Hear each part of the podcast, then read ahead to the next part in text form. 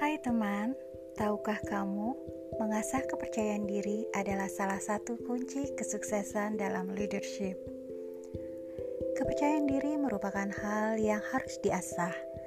Jika kita mengandaikan bahwa kepercayaan diri adalah sebuah batang baja berpenampang bulat yang dipersiapkan untuk menjadi pedang, maka baja tersebut tidaklah dapat menjadi tajam hanya dengan dipanaskan saja.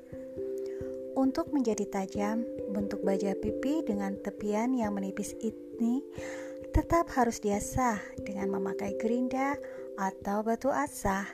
Demikian pula dengan kepercayaan diri harus diasah agar menjadi tajam.